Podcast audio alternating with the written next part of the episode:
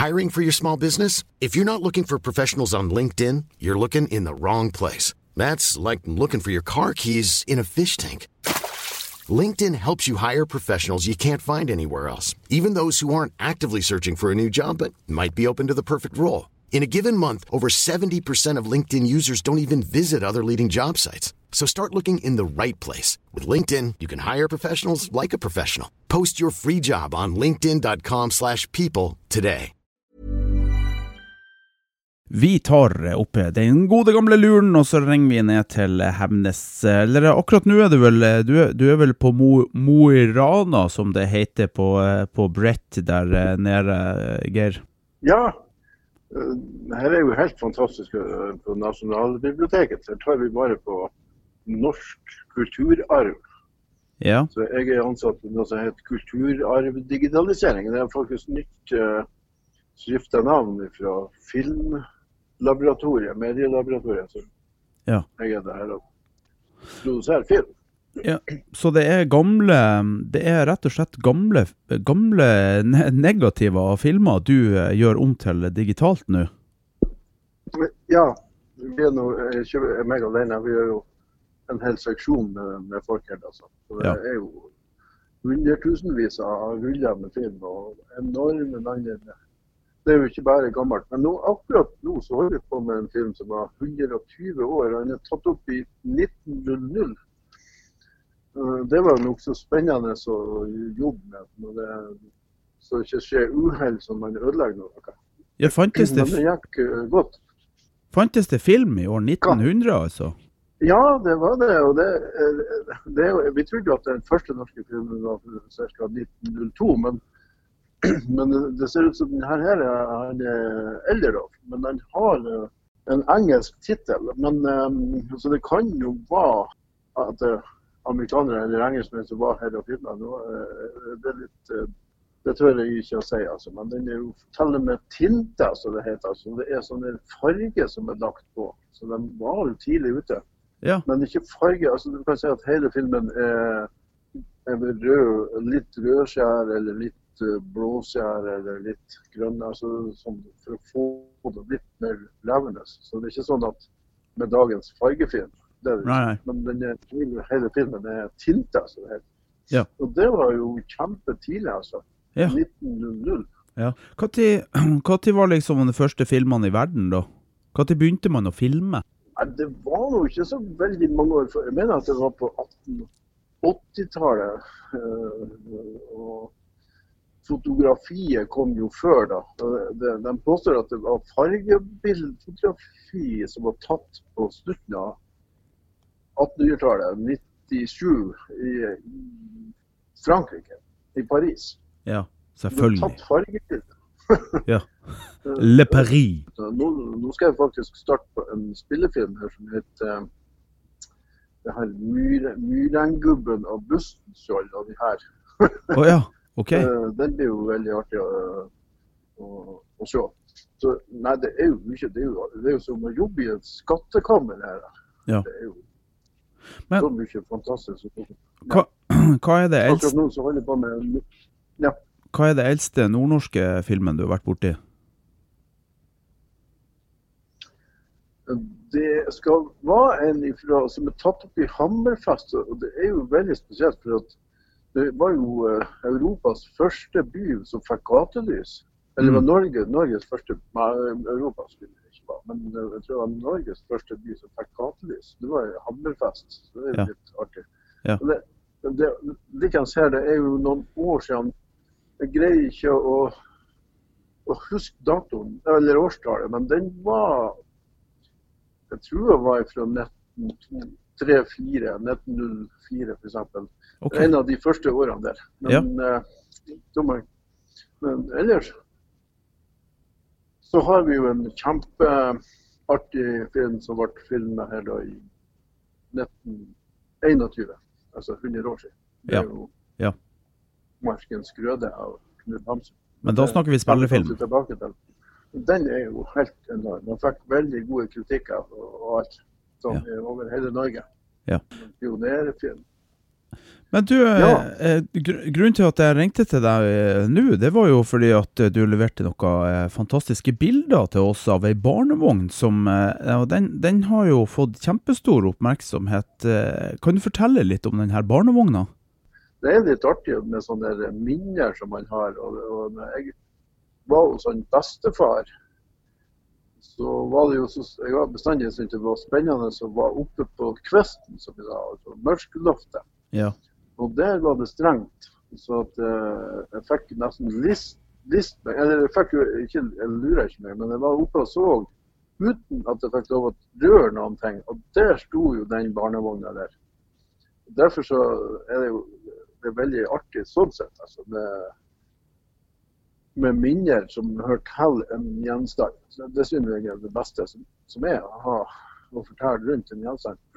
og eh, jeg har jo bilder fra ca. 1920, eller 21, så er det tatt bilder, og det er jo 100 år siden det òg, faktisk. Mm.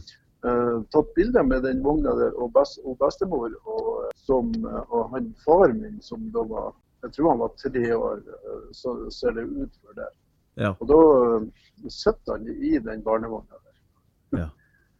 Eh, Så det er jo også veldig artig å ha den, det bildet der. Og når jeg har restaurert eh, vogna, så tok jeg bilde av sønnen vår, som var to-tre år, og het den samme, Johannes. og i den barnevogna. Så det ble jo litt spesielt når du har bilder av to Johanneser som var like gammel, bare at det, det her var i 1920. Ja. Så onkelen min eh, var, kunne vært faren til far min, for det var så stor aldersforskjell der. Ja. Så han har fått seg fotoapparat og, og, og tok en masse flotte bilder. Et kostbart kamera som han bestilte fra Burgsmüller i Hamburg. Ja. Akkurat. Det blir jo veldig detaljert. Men, Ja, i hvert fall, men den vogna jeg synes det er så forferdelig uh, flott design. Hvis man studerer designet på den, jeg ser for meg han som satt opp på tegnebrettet og, og, og, og designa den der. For det er jo nesten som et kunstverk, hele vogna. Og hvor, eh, hvor, hvor kan man se den vogna i dag, hvis man har lyst til å besøke den? Ja, det er jo på uh, Risbakken Kringpåthistoriske senter. og du kan si at man kan strekke det til å si at, at det er som en båt der så babyen ligger Ja, i barnevogna. akkurat. Men det er det nærmeste man kommer en båt. Ja. Neida, altså det er jo min interesse for uh, gamle ting, og, og især uh, som har historier rundt seg, Mm. er jo over, over gjennomsnitt stor. Så at uh, den kan man se der, da. Ja. Som vil. Men hvorfor tror du det er så stor interesse for ei barnevogn? Jeg vet ikke, det er jo det er jo, De fleste har jo en tilknytning til den, for de har jo det i en barnevogn. Ja. Så det, jeg vet ikke.